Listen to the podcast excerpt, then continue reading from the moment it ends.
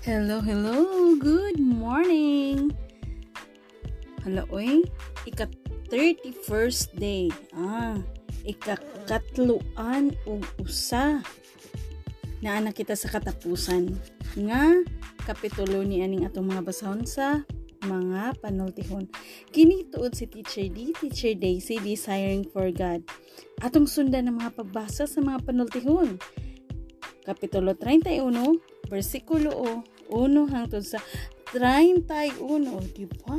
Galing. Naguluhan kini og tambag ngadto sa usa ka hari ug ang buotang asawa. Ang bersyon nga atong basahon gikan sa maayong balita Biblia ug usa ta magsugod magampo kita. Sangan samahan sa anak si Jesus Puto Santo. Amen. Dalaygon nga Diyos ang mga mahan daghang salamat ni ining panahon nga imong gihatag kanamo ug ginawtaon ta nga kaning namati karon imong i-bless ang iyang kasing-kasing ug iyang hunahuna ug nga kaming duha. Magkayusa sa imong pulong. Kay nagingon man sa Hesus Kristo nga kung may duha o tulo nga magkayusa sa pagampo ilabi na sa pagbasa sa imong pulong ana ikaw sa taliwala. Ug amo usabi ampo ug pangayuan og pasaylo ang among mga sala labi na sa mga kakuwangan sa pagserbisyo kanimo sa paghimaya kanimo sa pag alagad kanimo sa tak ng panahon. Pagtubag sa imong mga tawag pasaylo kami Ginoo. Pasaylo usab kami sa mga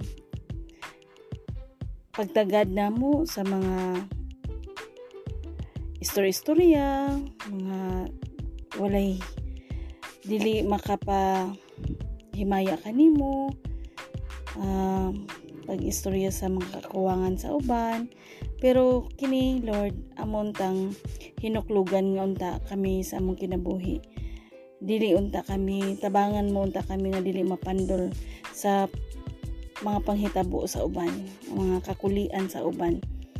Nga kini nga mga kakulian nila mahimo na mong refleksyon sa among kinabuhi unsaon pag kinabuhing may makatarunganon, may kaayuhan o may may blessing. So amo sa bihangyo nga kami maandam sa imong kamatuoran ug kini mutisok sa among hunahuna kasing-kasing lawas ug kalag kay ikaw ang among buot himayaw na ning takna. Amo sab i apil ang among sa pagampo ang COVID pandemic intention nga unta ang matested karong adlaw ma-negative ug kung mapananglitan ma-positive man mamahiyunta sila nga magmalig-on kanimo. Sa ilang pagdawat sa pagsuway sa kinabuhi ug labaw sa tanan imo ipakita kanamo ang rason nganong hangtod karon? May pandemya pa. Unsa eleksyon nga wala pa namo makatuni amahan. Tultuli in taon kami kini among giampo. Sa ngalan ni Hesus Kristo among Ginoo maluluwas Inubanan sa Diyos Espirita Santo. Amen. Sa ngalan samahan sa anak sa Diyos Espirita Santo. Amen. Tambag ngadto sa usa ka hari. Unang bersikulo. Mao kini ang mahinungdanong mga tambag sa inahan ni Haring Limuel ngadto kaniya. Ikaw ang minahal kong anak nga gihatag sa Dios kanako tubag sa akong mga pagampo Kini ang kasulti ko kanimo. Ikatulo, ayaw usiki ang imong kusog ug salapi alang sa lawas ng katagbawan uban sa mga babae kay daghang hari ang napukan tungod niini. Ikaupat, Limuel, matnguni kini ang mga hari o mga pangulo angay nga maglikay sa bino. Kalima, kay kung makainom na gani sila, makalimtan nila ang mga balahod o gitakan lang nila ang katungod sa mga kabos. Ikaunom, mo'y hatagig bino, kadtong hapit na mamatay, ug kadtong naganto sa labihang kasakit. Kapito, paim na sila aron malimot sa ilang kakabos ug mga kasubo. Ikawalo, sulti aron pagpanalipod sa mga taong walay mahimo sa pagpanilipod sa ilang kaugalingon. Panalipdi ang katungod sa mga dinaugdawon kasiyang sulti aron pagpanalipod kanila ug ang imong paghukom kinahanglan pinasubay gayud sa hustisya panalipdi ang katungod sa mga kabus ug timawa. Ang buutang asawa. Ikanapulo. Ang buutang asawa mas bililhon pa kaysa mga alahas apan pagkalisod nga pangitaon. Ikanapulog usa. Kasaligan siya sa iyang bana ug magmauswagon gayud ang iyang bana. Kanapulog duha. Dili gayud siya mubuhat sa bisan unsang nga makadaot sa iyang bana. Kanapulog tulo kugihan siya nga mohabol og dilana ug lino. Kanapulog upat, gikan sa lagyong dapit magdala siya mga pagkaon sa mga sa, sama sa mga barko nga gikan sa biyahe. Kinapulog lima, kaadlawon pagani, mubangon na siya aron pagtikay sa pagkaon alang sa iyang banay ug aron pagpahibalo sa iyang mga sulugoon nga sa angay nilang buhaton. Ikanapulog unom, kung may utang ibaligya, paliton kini niya sa salapi nga iyang kinitaan ug tamnag paras. Kanapulog pito, baskog ug kugihan siya kaayo. Kanapulog walo na sayod siya sa kamalig hinungdanon sa iyang gibuhat busa bisag na kaayo magbudlay gihapon siya. Kanapulog siyam, siya ray magka hilinya sa hilo nga iyang gamiton paghabol. Kana kakawhaan mahinatagon siya sa mga kabus ug timawa. Ikakawhaan ug usa. Sa tingtugnaw dili siya mahabalaka kay ang iyang banay sangkap man ug bisti alang sa maong panahon kakawhaan ug duha maghimo siya hapin sa katri ug magbisti siya anindot nga lino nga bulok tapul kakawhaan ug tulo Inila ang iyang banag usa sa mga kadagkuan sa lungsod. Ikakawhaan og pat, manahi siya bisti og mga bakos ug iya kining ibaligya sa mga negosyante. Kakawhaan og lima, kusgan siya og gitahod sa katawhan ug dili mahadlok sa umalabot. Kawhaan og unom, inubanan sa kaalam ang iyang pagpanulti ug manggi luluyon siya ikakawhaan og pito kugihan siya og kanunay nagtan-aw sa mga kinahanglanon sa iyang banay. Ikakawhaan og walo gimahal og naig siya sa iyang mga anak ug layugon usab siya sa iyang bana. Ikakawhaan og siyam ang iyang bana mayon kaniya. Daghang asawa nga buutan apan walay makatupong kanimo. Ikakatluan ang kaanyag sa babae malimbungon og dili mulungtan apan dalaygon ang babaeng nagtahod ug may kahadlok sa Ginoo.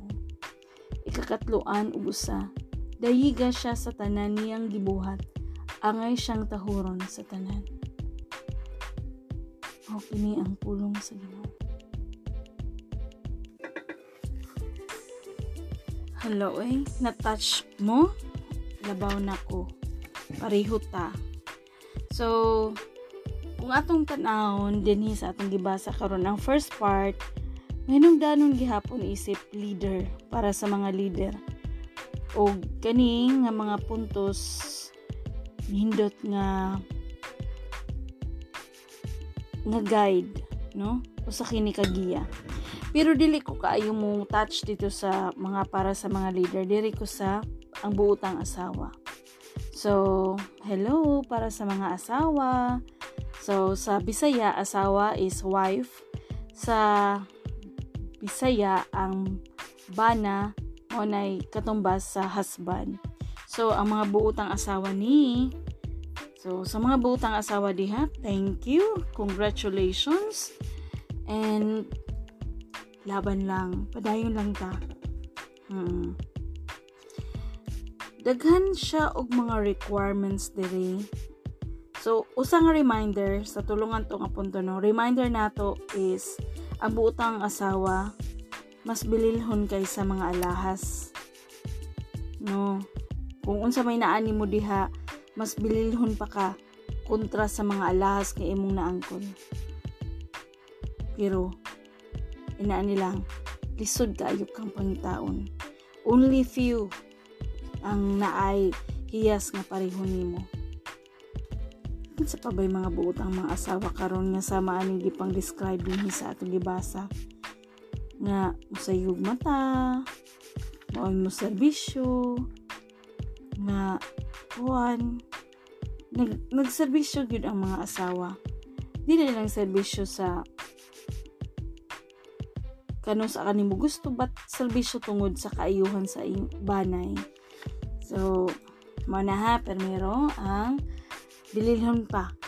Ikaw sa alahas. So kung alahas tagaan kag alahas good. Pero ang imong pagka-ikaw usa ka na ka labaw pa ni ini. Uh-uh. tapos kaning ikaduha na to nga punto. Kaning nasa ika napulog pito. Baskog ug gihan siya kaayo. Naliman mo na baskog ug gihan siya kaayo. Mm, bisan pagikapoy bisan pa og gikapoy. Gikapoy karon gikapoy unya gikapoy ugma. Kapoy labi na sa mga may asawa. Mga asawa niya na mga anak no kaway-kaway dyan. Dili lang sa mga sa lawas kundi sa utok sa emosyon. Tanan. Tanan parte sa imong lawas sa imong kasing-kasing na imong emosyon. So congrats no? Ang salamat nga nata nagpadayon. Nagpadayon bisan og usahay ang mga pagsaway dili na ka kuan yung pa kaya pa ba ni nako no? Basko usay man misinterpret ang mga may asawa na nga labi na kung magtika healthy di ba? Sahay manggod kay lami nang gud mukaon lagi ning may asawa na kay na malagi ka tambayayong sa pagkaon. Unya. Stress. Dami po na ikakaon. Anyways tinuod lang wa jud tay panahon na pag-exercise. Mga asawa kay wa na to gahini kay lain ang atong gipangunahuna mo ni mauna daghang koneksyon sa atong mga hunahuna. Okay, so take care of yourself. I am reminding you, yes, kinahanglan gud ta. Magpabiling baskog o magpabiling kugihan sa tanang higayon. Katapusan natong kuan ha. Kana mo pag ang ako lang nakapa nakapa butang na to diri ba sa akong kasing-kasing. Katong ika-29 nga ang iyang bana moingon kaniya daghag daghang asawa nga buutan apan walay makatupong kanimo. Ay kalami ana paminaw no? Kumusta man ang mga bana diha? Inyo pa bang na-appreciate ang inyong mga asawa kumusta man ang ilang kanang pagtabang diha nimo or panalitan sa ilang kakapoy naka or i, kamong duha nag nagkasinabot pa mo sa inyong mga pag matigayon sa inyong kinabuhing may pamilya, kinabuhing may asawa. So, ayaw kalimot. Please tell your wife nga hugon sa siya. Tell her she needs it. Ganahan yun kayo ang mga babae nga. Makabati nga unsay naniya labi na kung imo siyang kanang iistorya nimo sa daghang tao. Labi na sa mga punto nga nakita niya nga huyang siya. Tapos you are proud of her. Bisan pa man anang apart nga huyang siya anang apart. I mean kana bang tawag nga kitamay siya anang parte sa iyong kinabuhi pero ikaw imo siyang gi proud ka nga iyan ang lampasan ano siya tapos dirita sa ika Hmm. Murag mulapas ko ha. Kay reminder lang, ika katluan ug usa. Dayiga siya sa tanan niyang gibuhat. Angay siyang tahuron sa tanan. So, congrats tanan mga wife nga nagbinuutan. Mm-mm. Kun gid siya. Particular gid siya. Nya, ug yung mabatian sa uh, first part sa katong ang inahan ni Limuel isipin na hano usa pud siya nga asawa gi-remind gid siya nga kuan matngunan sa hari nga dili mag-inom tapos dili usab magbabay no? Dili mag usik sa panahon. Kusog ug salapi alang sa lawas ng katagbawan. Lawas ng katagbawan.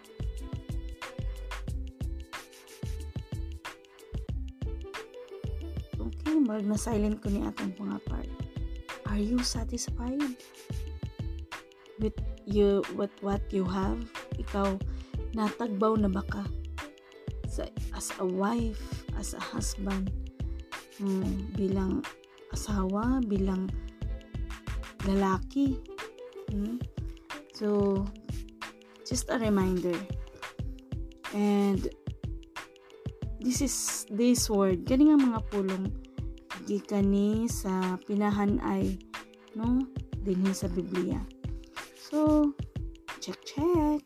I-remind lang nako para sa tanan para sa kaayuhan nato sa atong pagpuyo. Diba? Hinahinayon lang. Hinahinayon nato anam-anam mo nato pag-check ang atong selves. Mm Daghang salamat ha sa pag pamati o pagsubay sa atong gibasa karon. So, uh, magampo kita. Amahan namo nga naa sa langit, labaalaanon ang imong ngalan. Maghari ka kanamo ug tumanon ang imong kabubuton dinhi sa yuta sa mga gituman kini dito sa langit. Ihatag kanamo ang pagkaon nga among gikinahanglan karong adlaw pasaylo kami sa among mga sala sa mga kami nagpasaylo sa mga nakasala kanamo ayaw kami itugyan sa mga pagsulay Luwas sa hinuon kami gikan sa dautan kay imo ang gingharian, ang gahom ug ang himaya hangtod sa kahangturan. Amen. Maghimaya ka Maria na puno ka sa grasya, ang Ginoong Dios manaka nimo. Wala ni ka sa mabayan tanan, man sa mga bungas dyan mga sa Jesus. Santa Maria nan ka sa Diyos, gampo mo kami makasasala, karunog sa oras sa mga kamatay. Amen. Himaya sa man, sa anak, sa Diyos, Espiritu Santo Mayong susunugdan kung sa gihapon sa mga katuigan ng walay katapos ang tanan. Amen. Hug, dinhi na lang kita kutob.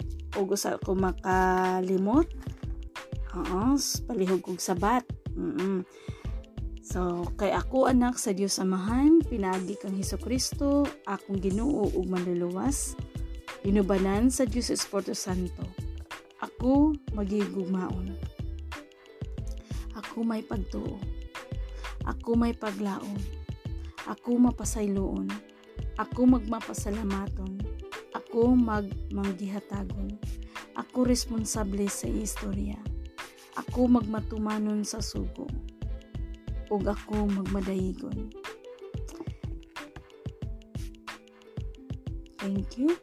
Okay, salamat again. This is Teacher D. This is Teacher Daisy, Desiring for God and wishing you oh, naghinangop ako nga kita madaghan nga mag-desire ni God. God bless. Thank you. Bye-bye. Yay! We're done! We're done sa mga penaltihon. And tomorrow sa may atong basahon. So, tanaw na ako kung kinsay nag-comment ito sa akong post sa Facebook kung naaba, nabakaha no nagsuggest kung unsay sunod basahon again bye bye god bless